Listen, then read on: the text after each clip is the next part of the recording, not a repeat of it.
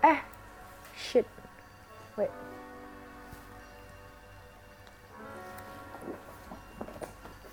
Apaan, apaan?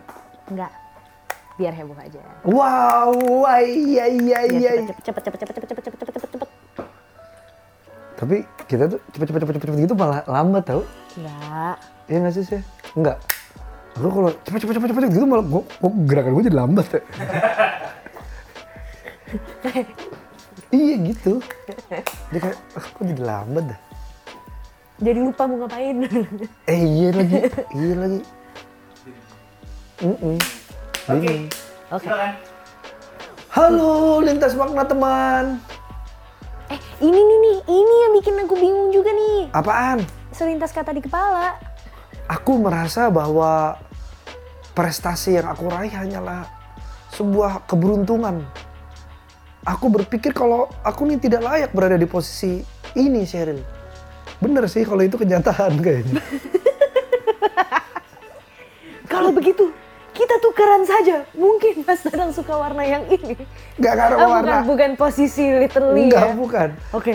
Ke- Aku, aku setuju, aku di kepalaku nih masih ada ketakutan kalau orang-orang tuh berpikir bahwa aku tidak sehebat yang mereka pikir. Tapi itu bener sih. Mereka menganggapku tidak layak. Bener juga. Bahkan aku menganggap diriku tidak layak. Dan uh, aku takut mendapatkan respon negatif dari orang sekitar. Yang itu tidak. Aku tidak peduli.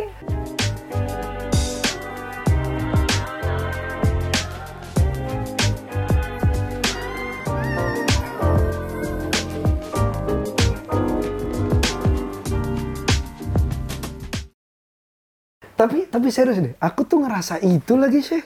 Ya, Aku merasa bahwa prestasi yang aku raih itu beruntung. hmm. Aku pun, aku pun, aku merasa kalau berdua kalau nih. kalau misalnya banyak hal Iya. yang eh, mengarahkan aku atau konklusi aku adalah, damn, I'm lucky. I Iya. am so so lucky. Banyak banget yang jauh lebih eh, pinter, jauh lebih atraktif, jauh Hmm. lebih estetika gitu. Estetika iya lagi. Cuman why me? Gitu. Right? Why? Hari ini kita bahas itu. Oke. Tentang impostor Syndrome. syndrome bersama Cheryl dan Danang yang pastinya membahas topik ini dengan melihatnya melalui lintas generasi dan lintas perspektif dari kami berdua dan bertiga dengan tim CXO Lab di mana pun kamu berada. Langsung soal imposter syndrome. Yes, selintas fakta bermakna. Ah, ini pesan dari selintas fakta bermakna. Melansir dari Psychology Today. Hah? Melansir dari Psychology Today. Kok aku nggak tahu cara nyebut psych psychology? Melansir dari Psychology Today, seseorang yang mengidap imposter syndrome percaya bahwa mereka tidak layak mendapatkan prestasi dan penghargaan tinggi yang sebenarnya mereka milikin. Hmm. Mereka merasa tidak kompeten dan suatu saat orang-orang menyadari ketidakmampuannya. Hmm. Orang-orang yang mengidap hal ini biasanya adalah orang-orang berprestasi, memiliki jabatan tinggi ataupun memiliki banyak gelar akademis. Imposter syndrome ini juga dapat diidap oleh siapa pun, bahkan murid ataupun mahasiswa yang menganggap dirinya lebih rendah dari orang lain. Wow, aku sih. Ya. Aku kayak paragraf pertama pinter sih dipisah sama ini. Iya. Karena pas lihat paragraf yang kedua, aku yang kayak Memiliki orang-orang banyak gelar berprestasi. akademis. Iya, benar. Kok langsung gelar akademis? Kok tahu? Karena nggak ada. Gitu-gitu aja. Saya gitu-gitu tuh aja. S3 loh, SD, SMP, SMA. Wah, saya S2. Sheryl Shenavia. Bener. Tapi kan kamu mau S1 udah. Kamu udah Insya S1 Allah. kan? Insya Allah. Sun, DKV. Sarjana Tahun Seni. Enggak. Enggak ada hubungannya manajemen. Oh manajemen. Oke, gimana menur- menurut Mas Danang nih? Pernah nggak Mas Danang merasa kalau Mas Danang itu nggak pantas berada di posisi ini? Always, always. Always. Oke, pernah nggak kepikiran di kepala Mas Danang kalau sebenarnya Mas Danang nggak pantas untuk dapetin hal-hal yang Mas Danang milikin sekarang? Every time. Every day, Every yeah. single second. Every single second. Hmm, why? Tell us why. Gak ngerti lagi. Aku ngerasa kayak aku terus berusaha untuk mantesin diri aja terus. Hmm. Aku kayak bisa duduk di lintas makna udah gitu kata-kata dipotong-potong masukin TikTok kayak gue pantas gak sih ngomong itu gitu. Hmm. Hmm. Hmm. Gue gue gue ngomong gitu karena perasaan gue, karena apa yang gue rasain gue pantas kayak ngomong itu di depan publik. Aku ngomong aku aku mikir gitu. Aku duduk di sini tuh bukan meragukan petinggi-petinggi yang ada di sini ya, tapi kayak kurang gitu. Aku tuh selalu ngerasa gitu. Aku isinya terus berusaha untuk mantesin, mantesin, mantesin. Itu kenapa juga aku nggak pernah nonton karyaku, karya yang ada akunya terutama. Hmm. Gitu. Baru akhir-akhir ini Galabi maksain aku untuk nonton. Hmm. Jadi karena aku ngerasa harusnya nggak gitu, harusnya nggak gitu. Oh. Is that your perfectionism talking to you? I don't know. I don't know. Are you sure? I am sure I don't know. I'm sure I don't want to know. I want to know. you want to know? I want to know. I think it's your perfectionism. Really? yeah, you're a Okay. perfectionist. W- no, aren't we all? Oke, oke, We're in menarik. detail, baby. Atau kayak cepet regret. Itu juga sih. Semuanya betul. Ada lagi yang tidak? Kalau Cheryl gimana? Kalau Cheryl, Iya. apakah Aku kamu bisa menganalisa menganalisa se keyword itu kenapa? Ya sama. aku tuh Oh, ngerasa ada. gitu. Aku ngerasa segen sama sama em, apa ya sama orang-orang yang mempercayakan aku berada di posisi untuk menyuarakan sesuatu atau untuk menceritakan perspektif aku aja. kurang kurang sharing perspektif apa kita di acara lintas makna ini? Tapi tapi kan eh, maksudnya gini di, di lintas makna sendiri aku berusaha ada ada orang-orang di sekitarku yang aku menyarankan sesuatu gitu. Nah kalau di depan khalayak sebanyak ini aku nggak nggak berani menyarankan karena kadang walaupun kadang-kadang kesannya menyarankan itu aku nggak maksud. Aku tuh nggak ada intensi menyarankan karena aku ngerasa siapa gua nyaran-nyaranin gitu. Selama masuk, misalkan kayak contoh terdekat kita kan sebenarnya acara lintas makna ini kan. Yes. Do you ever feel like there's a lot of new information that you get for yourself lewat lintas makna? Iya, istilah-istilah. Ya. Terus oh ternyata ini ada ada ada artinya, terus ada rangkuman hal-hal yang berhubungan dengan psikologi dan lain-lain. Udah gitu tanggapan orang-orang di luar tuh gimana muncrat lagi, sorry. Dan juga gimana mau nggak mau, ya Danang kudu mantesin gitu untuk ada di sini gitu. Karena diberikan kesempatannya. Itu nggak karena dari jutaan orang banyak yang duduk di sini gitu. Ya. Jadi kayak ya udah. That's exactly how I feel too. Cool. Nah, Berat nih bahasan hari ini. mari kita coba telaah kata-kata imposter syndrome ini lebih dalam Oke, lagi gitu oke, kan. let's Ada go. sebuah research yang cuma-cuma katanya. Sebuah research cuma ini eh, ini gratis. banyak kata-kata baru ya, kayaknya Ah, ah. menyesuaikan sama studio baru kita nih. Ah, ah, ini Odin kayaknya terlalu maksain nih jadinya. Menurut research yang dilakukan Psychology Today, menurut research yang dilakukan Psy- Oke, aku susah banget baca sesuatu yang ada L di tengahnya. Really? Ya. Oke, Psychology Today. Ih, kenapa ya? Nggak, nggak biasa aja. Menurut research yang dilakukan Psychology Today, sekitar 70% orang dewasa sudah pernah merasakan hal ini, minimal satu kali seumur hidupnya. Kita juga melakukan riset melalui in- oh, tim CXO Lab melakukan riset juga melalui Instagram Story Lintas Makna dan dari polling yang sudah dibuat ada 70% dari 40 responden dan da- kita buat 70 persen, 7 dak. kita buat 70% dari 40 responden menjawab pernah merasa kalau mereka nggak pantas hal-hal yang sudah mereka capai sekarang. Dan beberapa juga men- mengungkapkan seperti berikut. Coba kita lihat. Dari at Akmal Kenzo 9. Sejak kecil apa yang saya mau dapat saya dapatkan justru bukan karena saya sendiri, lebih kayak beruntung sih. Wow, dari Grand dot dis. Heeh. Keberuntungan karena aku merasa tidak memberikan effort yang lebih untuk mendapatkan hal tersebut. Kok kayak, iya lanjutnya dari Ed Seset Iya, SSD. SSD Vergehz. Keberuntungan karena I think I didn't do anything. Ah, English. Mm-mm. Itu kayak app Cheryl Shenavia DFG HZ.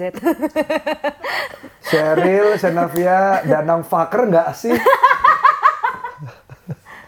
nggak boleh ngomong fucker ya di sini. Sorry. Nah, iya. Ah, karena beruntung mungkin ya. Ini beruntung atau nggak pantas sih si, si impostor ini Pak Ari?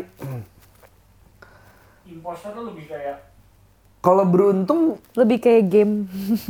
benar, mereka tuh kayak ngerasa bahwa yang nggak pantas aja gitu mas nggak pantas kan? Bukan Rendah- karena rendah diri ah that's me, rendah diri that's me.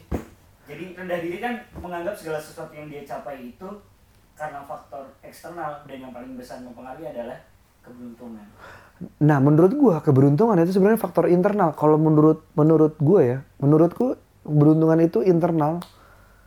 Karena Karena keberuntungan itu adalah buah dari yang kita udah lakuin. Ah, apa nih? Oh, selintas kata bermakna. Fine. Di dalam berun... ah. Enggak, setuju. Oh, enggak, oke. iya kayak juga. Oh. Kayak you are number one. Jangan gitu dong. You are amazing. You are so cool. karena, karena beruntung itu kan hadir kalau lu udah gerak kan Iya dong. kalau lu belum gerak ya beruntungnya nggak nggak hadir Dan aduh gimana ngomongnya ya? Ini nih jad, ya udah nih di delete aja tapi gue pengen muntahin aja sih. Ini jatuhnya kayak ngomongin si dialog-dialog yang tadi ini kayak ngomongin tentang gimana lu ada di medan kuantum gitu loh.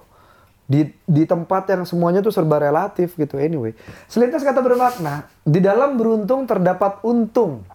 Un- untung didapat melalui perjuangan dan kerja keras. Eh, kita sejalan CX OLED. Tapi mengapa keberuntungan seolah hal yang tidak melalui perjuangan dan kerja keras? Gitu sih. Kalau karena menurutku keberuntungan ada ada rumusnya itu loh yang eh, kerja plus kesempatan yang datang sama dengan keberuntungan gitu kan? Ya. Ya kayak makanya aku tuh selalu berusaha memantaskan diri just in case aku dapat momennya, aku nggak akan nyanyain itu gitu. Hmm. Iya, aku ngerti sekarang kamu kenapa itu bilang perfeksionis. Iya, aku rasa itu perfeksionisku sih. Barusan aku kayak nasihatin dulu diriku sendiri gitu. Iya. Sini satu lagi belum Ya, please. Ya. Nah. Tapi sih, mereka gimana ya? Seharusnya bangga nggak sih? Harusnya tuh kita tuh bangga nggak sih sama sebuah pencapaian gitu. Tapi kenapa kita kayak hmm, nggak percaya kalau itu adalah seakan-akan bukan jeripayah kita gitu. I feel like you know that saying kayak kita mau mau sesuatu pas udah mendapatkannya habis itu udah biasa untuk mendapatkannya kita pengen kejar yang lebih lebih lebih terus jadi nggak pernah tahu kapan cukup gitu loh jadi semua benar. dan itu bukan cuma diterapkan ke hal-hal yang em, apa bukan cuma diterapkan ke hal-hal yang bisa kita sentuh ya, bukan yang kayak physical Yeah. stuff gitu loh, tapi Yeah. kayak ekspektasi buat diri kita sendiri gitu. hmm. And we just have to uh, know our limits gitu. Dan emang udah berada di sana, ya diterima aja gitu. Bener kata Mas Danang, dipantesin. Aku setuju sama itu. Kalau kalau kalau kita bilang kayak em, well nggak usah kita dari aku sendiri gitu kenapa aku nggak percaya eh, sama diri aku kadang-kadang dan aku merasa ada orang yang lebih pantas karena memang aku ngeliat mungkin kayak cara kerjanya siapa gitu yang aku suka atau atau eh, tutur bicara hal-hal yang yang umum dulu aja deh gitu kok bisa eh, mukanya se-flawless itu misalnya. Yeah. We don't know kan dia mungkin udah udah morning routine, night routine gitu. Badannya bisa bagus. Oh, dia workout tiga kali sehari mungkin. Iya, iya. Ada effortnya di balik itu gitu dan eh, ya aku udah bisa belum ngejar sampai segitunya. Hmm. Gitu. Wow, iya sih.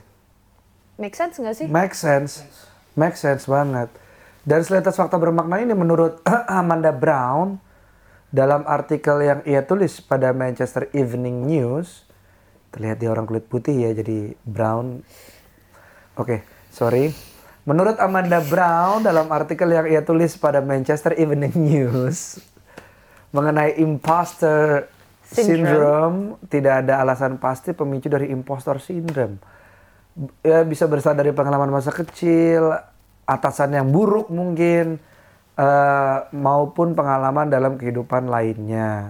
Namun terdapat beberapa faktor yang dapat meningkatkan resiko imposter syndrome. Satu adalah tantangan baru, yaitu kesempatan seperti pekerjaan baru gitu, suka numbuhin tuh si imposter syndrome itu kayak tiba-tiba lu ada di field yang berbeda kayak naik jabatan atau yang lain gitu atau pindah ke perusahaan yang lebih hebat. Ah, ya benar. Ada ada ada beberapa cerita nih di kepala aku barusan. Karena eh, biasanya dihadapkan dengan ekspektasi yang semakin tinggi sehingga membuatnya merasa menjadi lebih harus terus jadi lebih, baik baik, lagi. jadi lebih baik gitu. Yang beberapa beberapa klienku juga ada yang kayak gitu sih. ya. Dia mau sekali ke perusahaan itu, oke kita work it out, gimana caranya set. Begitu dia dapat, takut nih gue gitu. Lah, itu kan yang dimau. Aku oke nger- ngerti sekarang jadinya ya. Nah yang kedua tumbuh dengan saudara atau kerabat berbakat. Hal ini bisa memicu sindrom oh my god yes. Ketika melihat saudara yang dianggap lebih baik, seorang akan merasa selalu tidak cukup.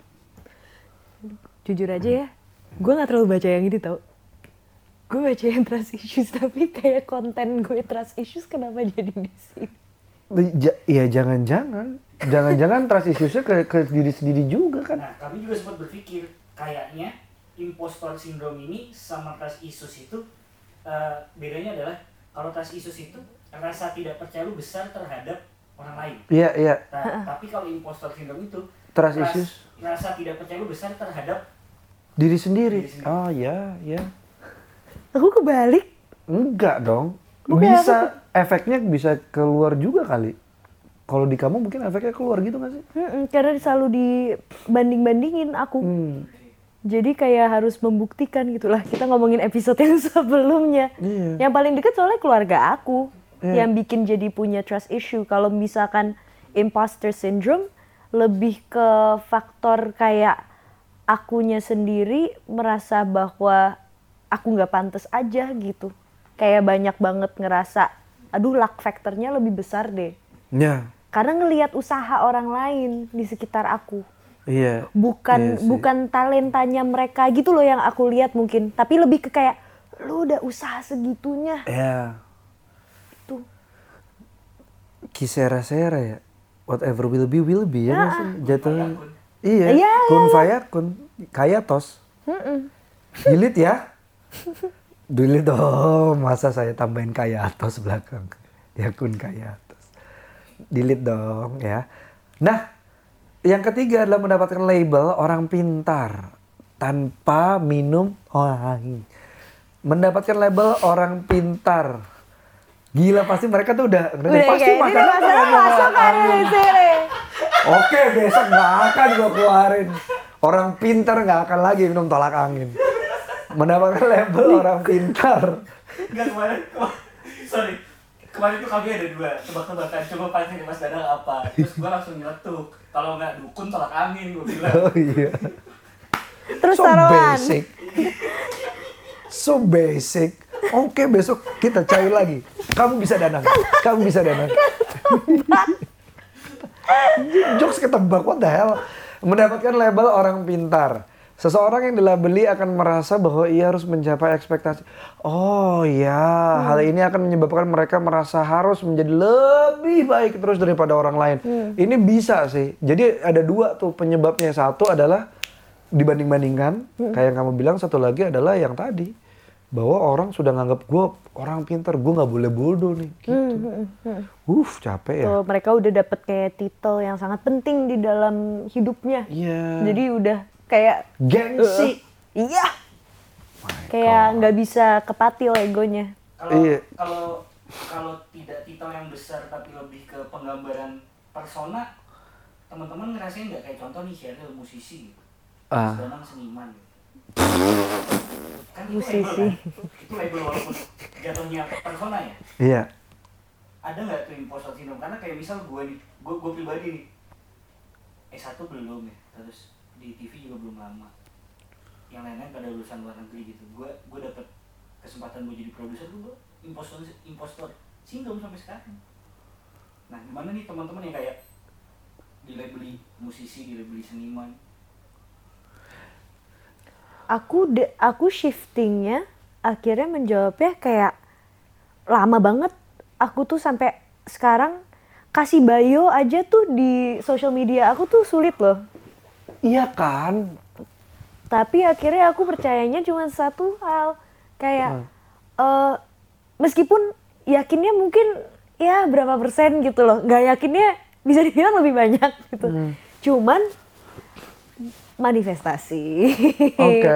jadi jadi perlahan kalau misalkan aku bisa percaya dan yakinin diri, aku maunya percaya dan berusaha terus percaya orang-orang lain akan melihatnya sebagai berikut.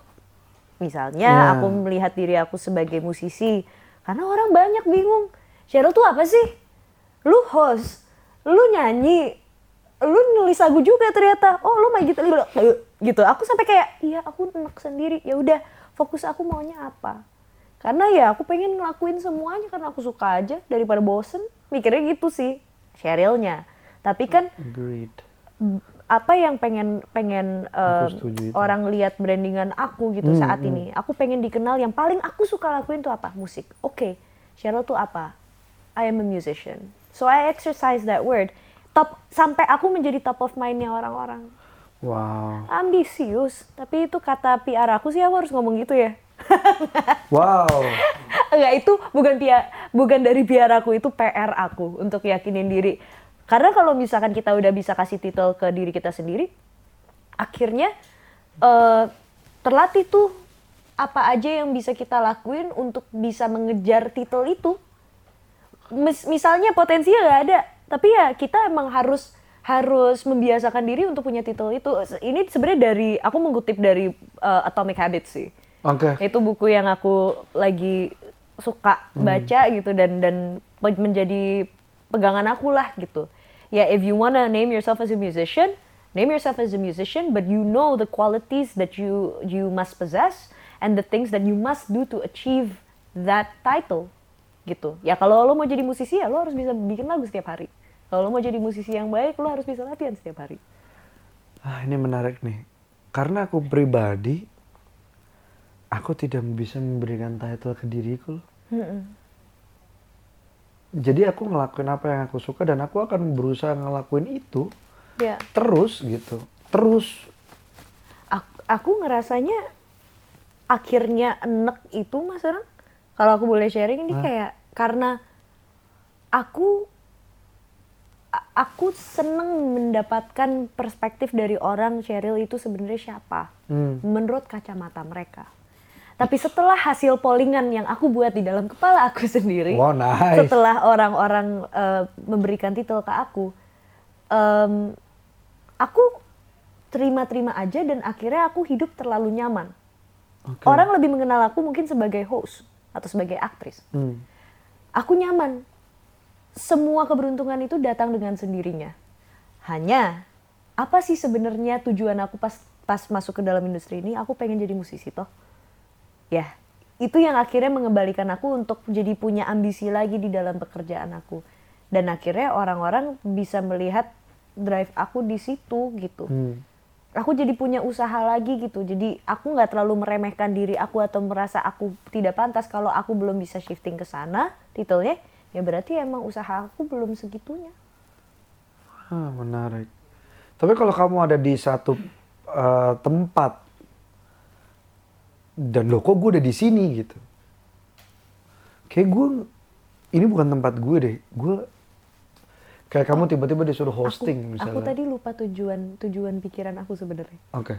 Eh, aku aku tidak masalah dengan ap- eh, aku tidak masalah dengan titel yang orang kasih buat aku siapa pun Oke. aku yang mereka mereka bilang itu ada dua faktor satu aku kurang setuju sama titel yang mereka kasih karena aku tujuan pertamanya adalah menjadi musisi jadi Oke. dikenal sebagai yang lain itu bonus banget buat aku Ah, nice. itu bonusnya aku yang kedua aku nggak suka bikin orang bingung Aku nggak mau bikin orang lain bingung. Lu tuh sebenarnya apa sih? Kok bisa semuanya? Bisa semuanya kan bukan berarti aku ada baik dalam satu hal. Ini ini lucu sih. Jadi aku, aku, pengen pengen saat saat orang bagus dalam satu hal. bagus dalam satu hal. Pengen menguasai sesuatu. Oh, oke oke itu dia tuh. Punya Iya. skill yang signifikan di dalam hidupku, yang value sendiri yang signifikan. Karena kalau misalkan semuanya gila, itu berarti aku maruk gitu loh sama sama eh, sama pekerjaan. Masa mau semuanya banget gitu. Oh, ini menarik sih. Gitu. Maybe there are some people who are versatile in everything and they know how to do everything really really well. But aku suka sama uniform. Aku suka Oke. sama eh, apa? sesuatu yang yang rapi gitu. Dan aku pengen jadi orang yang kayak gitu. Karena aku pernah ditanya gitu, Mas eh, Mas Danang tuh apa nih kita enak yang manggil Eh, main film pernah apa segala macam pernah. Aku balikin pertanyaan mereka, refleksnya adalah kenapa sih orang harus dikotak-kotakin? Hmm. Karena sebenarnya aku juga nggak,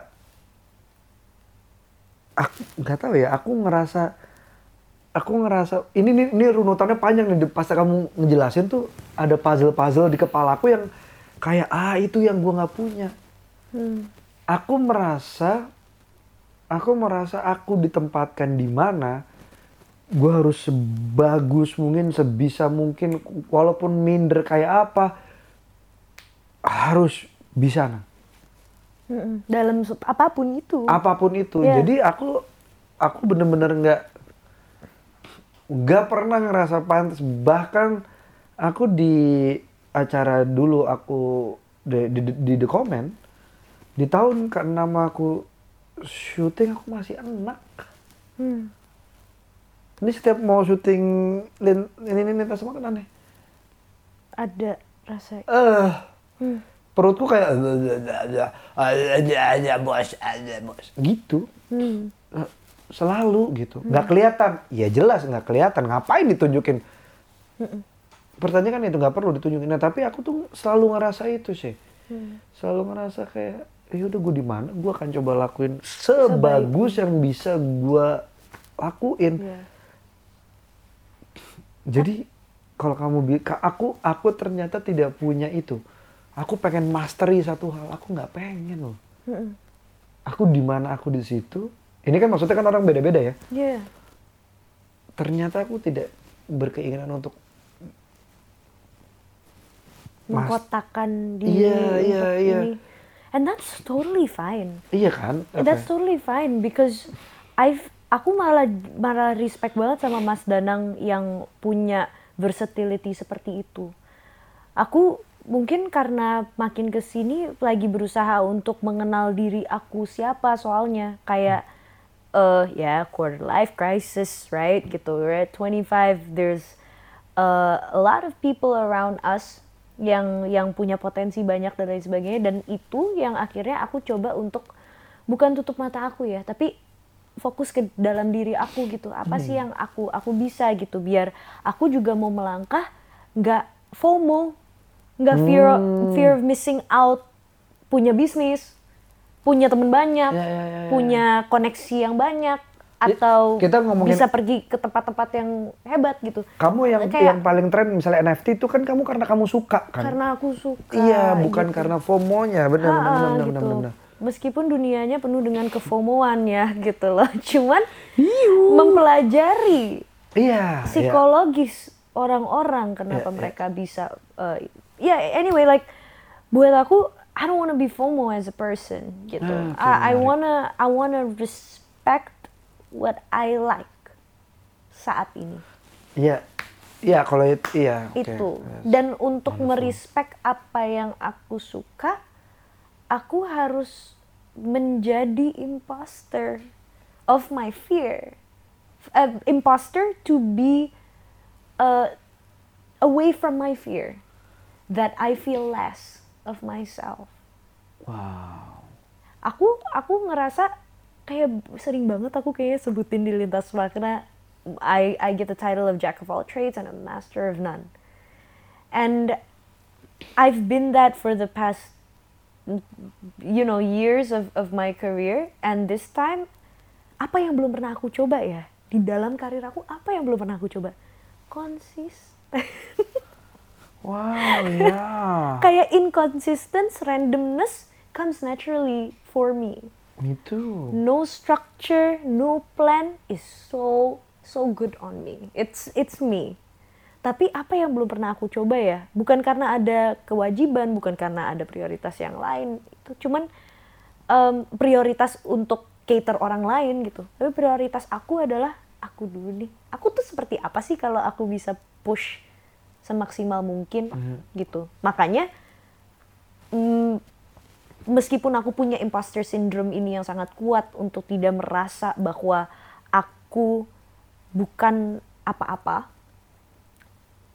aku tidak mau memanifestasi itu dalam diri aku. Oke. Karena- Berarti cara kamu menanggapinya ya yang kamu Iya. kendalikan ya. Karena Iya, aku iya, iya. selalu ngerasa kayak anak tengah Hmm. di di dalam di dalam perkumpulan apa pun, di dalam situasi apa pun. Eh, anak tengah, jadi kayak ya ada yang lebih muda yang lebih hebat, ada yang baru mulai mereka lebih hebat, ada juga yang lebih kayak gitu. And I feel like the only way I can learn is is to grow gitu. Or or just to berdamai sama sama apa yang aku nggak suka kan. Iya, iya, iya. Ya itu masuk akal dan Iya. Oh, Kali ya. makasih ya Syah. Aku yang makasih juga karena aku pengen balik lagi ke dalam posisi itu. Cuman aku lagi terlalu nyaman, konsisten. iya. Konsisten. Nah, hmm. Konsisten Coba, menjaga- nah, men- apa konsisten menjaga? Men- menjaga eh, eh, apa? Kon- konsisten untuk untuk yakinin diri gitu. Oke. Tentang apa yang aku suka, tentang apa yang aku mau. Hmm. jadi yang yang dulu aku kayak ah gue nggak ngerasa gue pantas jadi musisi ah lagu gue nggak laku ah ini apa aja yang udah dilakuin untuk bikin lagu lo bukan laku tapi enak Iya, kalau nggak nyampe ya mungkin kurang enak bisa. itu yang aku selalu bilang sama diri Bisa. aku sendiri ya coba lagi mungkin nggak jujur Iya. gitu Wow. Wow. tapi it's I don't think our positions like it it's there's any good or, or I mean like it's not bad Not bad. Iya, karena aku akhirnya menggunakan si impostor syndrome ini akhirnya jadi jadi aku bensin aku buat terus berusaha. Oh, misalnya gini aku bilang saya tidak pantas ada sini. Ya gimana cara mantesinnya? Aku selalu nanya gitu. Tapi Gimana semua yang mantesin- yang Mas yang Mas Danang lakuin itu tuh semuanya terlibat ma- maksudnya itu ada di dalam industri eh, artistry ini nggak sih? Yang kayak Iya. membuat Mas Danang kayak persentasenya dibandingkan sama kegiatan Mas Danang yang lain gitu mungkin di luar ini. Lebih banyak yang membawa atau mengingatkan Mas Danang sama value-nya Mas Danang itu ada di industri ada di ini. entertainment. Iya. I guess like the most fair way to express is like as an artist nggak sih? Kadang aku kalau misalkan bingung, aku diundang karena karena eh, titel aku yang lain di luar dari musisi gitu. Ya udah just call me an artist gitu. It's diff. I try my best to think, iya ada you're an artist sama eh artis. Iya, iya, iya kan? Kayak kalau misalkan artist is like ya lo seniman. Kalau misalkan eh artis, selebriti. Selebriti. Jadi iya, ya iya, kayak iya. gue "Eh, lo apa gitu kan? Seniman. Menarik. Syukur-syukur kalau ngerti bahasa Indonesia. iya, iya, iya. Karena kok Mas Danang nggak mau dipanggil selebriti? Karena miskin. Salaman loh. Eh, Enggak. tapi bener loh, di, di- maksudnya di, di dunia kita, itu yang harus pinter nabung tuh ya artis. Seniman tuh harus pinter nabung, kalau Iya. enggak. Huh. Ya, anyway. Nah ini ada selintas kata bermakna. Tidak ada yang bisa menyakiti dirimu kecuali ekspektasimu sendiri. Itu kenapa ngelawan diri sendiri adalah yang paling susah. Nah, tapi kayaknya ini tipis-tipis sama perfeksionis deh. Eh, Nah kan, bener bener dari yang kamu bilang di awal tadi, setuju gue aku. yang tulis skripnya deh. Oh, iya bener kayak Cheryl yang nulis ini. Aku sengaja nih dia bahas ini. Langsung diganti. Selintas fakta bermakna Iya. eh, menyampaikan imposter syndrome itu berhubungan erat dengan perfectionism. Kevin Oh. Cockley, says Kevin Cockley, seorang psikolog dari Univer- University of Texas mengatakan bahwa perfeksionis memiliki tujuan yang jelas, sedangkan imposter syndrome memiliki tujuan yang tidak jelas. Hah? Eh, gimana maksudnya sih? Hmm, jadi eh, kalau perfeksionis itu ada tujuan yang dikejar gitu teman-teman kayak misal anggap contoh adalah Mas Danang bikin patung gitu nah Mas Danang tuh pengen hidungnya yang bener-bener lancip Oh. tujuan Mas Danang itu hidungnya lancip Hmm. kalau teman teman-teman yang eh, punya impostor syndrome dia udah punya tujuan nih awalnya hidungnya lancip ketika udah lancip Di, di adjust. di jas kayaknya Bagusan gitu. deh lancipnya harus 30 derajat lagi deh gitu. Ah. Oke oke Pak Ari, menarik nih. Tujuan yang jelas ya. Jadi Mas Danang yang mana? Iya aku aku ngerasa tujuanku jelas sih. Tapi ini bukan perfectionist atau imposter syndrome kan? Bukan. Atau oh Bukan, oh atau perfectionist itu adalah kayak subdivision dari si imposter syndrome ini. jadi eh, pa- impostor syndrome itu Kayak dalamnya- another side coinnya. betul Iya. impostor syndrome itu di dalam di dalam di dalamnya ada Perfectionism. Perfectionist. Ada karakteristik Bedanya itu. perfeksionis yang benar-benar perfeksionis dan tidak punya impostor syndrome yaitu Tujuan akhirnya jelas. Oh, Iya iya iya. iya. I see. Kayak kita berdua untungnya punya tujuan akhir yang jelas maksud kau kalau dari yang tadi aku bilang walaupun aku ke sana random tapi yang jelas di situ aku pengen berusaha sebaik yang aku bisa. Oh iya iya iya. Tujuan jelasnya itu tuh. Mm, mm, mm. Kamu pengen mastery, iya kan? Ah, oke oke oke. Oke. Nah, berikut terdapat beberapa jenis imposter syndrome. The expert. Yang pertama, tipe ini mengukur kompetensinya berdasarkan beberapa banyak hal yang mereka mampu lakukan. Mereka tidak akan merasa puas hingga merasa bahwa mereka mengetahui semua hal. Mr. Know-it-all. The perfectionist. Pada tipe ini kesuksesan jarang membuat mereka puas karena mereka percaya bahwa hasil tersebut masih bisa ditingkatkan. Oh my god. Uh, Oke. Number three, the superhero. Superhero uh, selalu berusaha untuk bekerja lebih keras daripada orang-orang di sekitarnya. Namun ini hanyalah cara untuk menutupi kegelisahan. Kita harus fist bump nggak? Nggak. Ya oke oke oke let's go. Oke. Number four, Iya, oh my the God. natural genius. Tipe ini adalah orang-orang yang mem- mampu menguasai kemampuan baru dengan mudah dan cepat. Jika para genius ini membutuhkan waktu lama untuk menguasai suatu hal, mereka akan merasa malu. Oh my god, aku nggak bilang jenius sih kita jenius, tapi ini kita harus fist bump lagi nggak untuk yang keempat Aku ini? sih nggak ngerasa lagi. Ya, kita nggak ngerasa jenius, tapi kita ngerasa Tapi kita ngerasa malu nggak kalau misalnya ini harusnya bisa lagi. aku aku lebih eh tadi apaan sih nomor 4? The genius. The genius. The aku aku ngerasa genius. aku bisa melakukan sesuatu dengan mudah dan cepat.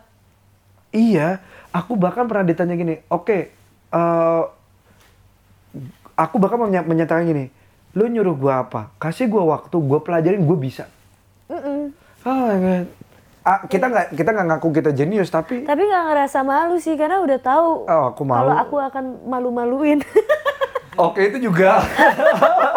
Jadi kayak nggak bisa kan gue udah gue bilang dari awal. Gue coba bisa kan. Iya, coba bener-bener bener. Jelek toh. Ya emang gue nggak bisa gitu. iya, namanya juga nyoba. Punya Iya, malu-malu. The soloist. Yeah. Tipe ini sering dikenal sebagai orang dengan rasa individualis yang tinggi. Hmm.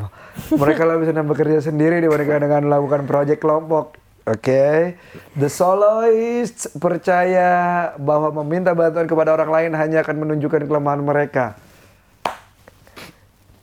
Saya imposter syndrome. saya saya biasa biasanya kan gue melarang untuk orang self diagnose. Tapi saya hari ini mau self diagnose boleh ya? Di? Saya seperti imposter syndrome. Di mana gue bisa cari bantuan? ini ternyata ya, oh my god, imposter syndrome ini terjadi karena tidak memiliki goal yang jelas. Hah, ya. Jadi hal ini jadi kayak bumerang ke diri sendiri meskipun udah ngeraih sesuatu. Kalau berada di kondisi kayak gini, ini berarti sama nggak sih? Sama tidak bersyukur. Kondisi bahwa tidak pantas. Wow. Ad- iya nggak ya? Nah, iya nggak sih? Jadi, jadi mikir. Malah aku merasa, merasa ini wujud rasa syukurku bahwa oh dikasih kesempatan gue akan usaha. Gue masih belum. Gue masih belum. Gue mau coba lagi. Gue mau coba lagi. Oh my god. Ak- aku sih meskipun casingnya ya yakin. Oh iya iya. ya itu sih suka nutup kegelisahannya sebenarnya.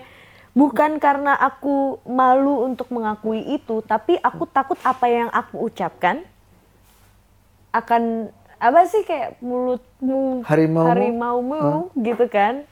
Aku takut akan hal itu. Karena sering banget kejadian misalkan kayak kebetulan kebetulan itu sering terjadi gitu loh di aku Eh, gitu dan cepet dan cepat, ya.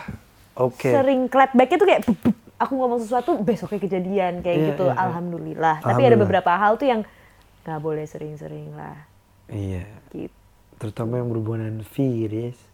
Hah? Yang berhubungan dengan rasa takut. apalagi yang berhubungan Iya, dengan rasa takut kayaknya jangan deh gitu. Oke, silakan ya eh, soal imposter syndrome ini menarik nih. Iya, Belum pernah nih. yang kayak, relatable ya Wow. se-relatable ini buat kita Wow, wow, wow, wow, wow, ini ini ini gokil. Nah, ini ada selintas fakta bermakna dalam kasus yang lebih lanjut, imposter syndrome dapat menyebabkan kecemasan berlebih, wuh, untung enggak, stres, bahkan depresi. Selain itu mereka akan takut untuk mencoba hal-hal baru. Kamu ini nggak ada ada kecemasan berlebih sampai ngerasain depresi atau takut nyoba hal baru nggak sih?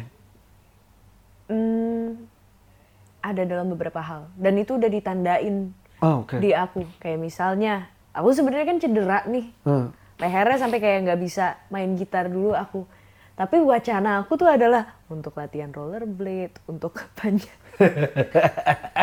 untuk panjat tebing diving banyak lah gitu atau kayak pergi meeting dari ke sana ke sini. Disuruh pelan. Udah banyak yang ngingetin Mas Danang. Mas Dimas Danang. Kayak kena sendiri gitu. Jadi kayak ya I- guess jadi kayak ya udah sadarin diri aja tenang dulu gitu. Jadi aku coba untuk fokus. Oke. Nah ini untungnya, untungnya, untungnya nih kalau gue self diagnose ya, barusan eh, aku pribadi tidak nyampe ke sini sih. Aku tidak cemas kayak sesimpel kayak, iya nggak cemas orang saya udah usaha ternyata nggak dapet ya udah gitu kalau aku gitu. Dan aku nggak pernah takut untuk nyoba hal baru. Justru kenapa aku alasan aku pernah ditanya sama salah satu mentor actingku, kenapa kamu acting? Karena itu tempat saya nyoba hal baru hmm. tempat aku main gitu. Nah aku tuh suka banget main. mungkin bukan bukan ini kali ya Mas bukan takut sama hal baru tapi Mas Danang udah yakin sama sama eh, Mas Danang udah selektif juga nggak sih apa yang mau dicoba Kadang-kadang random banget lagi. Iya, maksud tapi kan ada beberapa hal yang mungkin kurang cocok sama Mas Dan. Oh, Misalnya iya, iya. diving gitu kan. Iya, iya, like iya. you already know your limitations. Ah, ah. Nah, aku tuh suka nggak tahu. Ya, oke gitu. Padahal udah tahu nih sakit, tetep aja Oh, oke, oke, oke, dilakuin. Aku tetap bawa motor, aku tetap Iya. nyetir. Maksudnya dan ternyata ini sampai kemeng, udah nggak bisa gerak tangan Hmm. kanan aku gitu. Itu sih aku nggak pernah tahu batasan aku. Jadi aku bukannya takut untuk mencoba hal-hal baru tapi selektif sama hal-hal yang baru Tapi kita mau nyoba kan, nyoba dulu Mau mau, nyoba. mau, iya Iya. benar itu dia tuh. itu Nah ini berikut beberapa cara mengatasi imposter syndrome. Satu menceritakan pengalaman ini kepada orang-orang yang dianggap kredibel.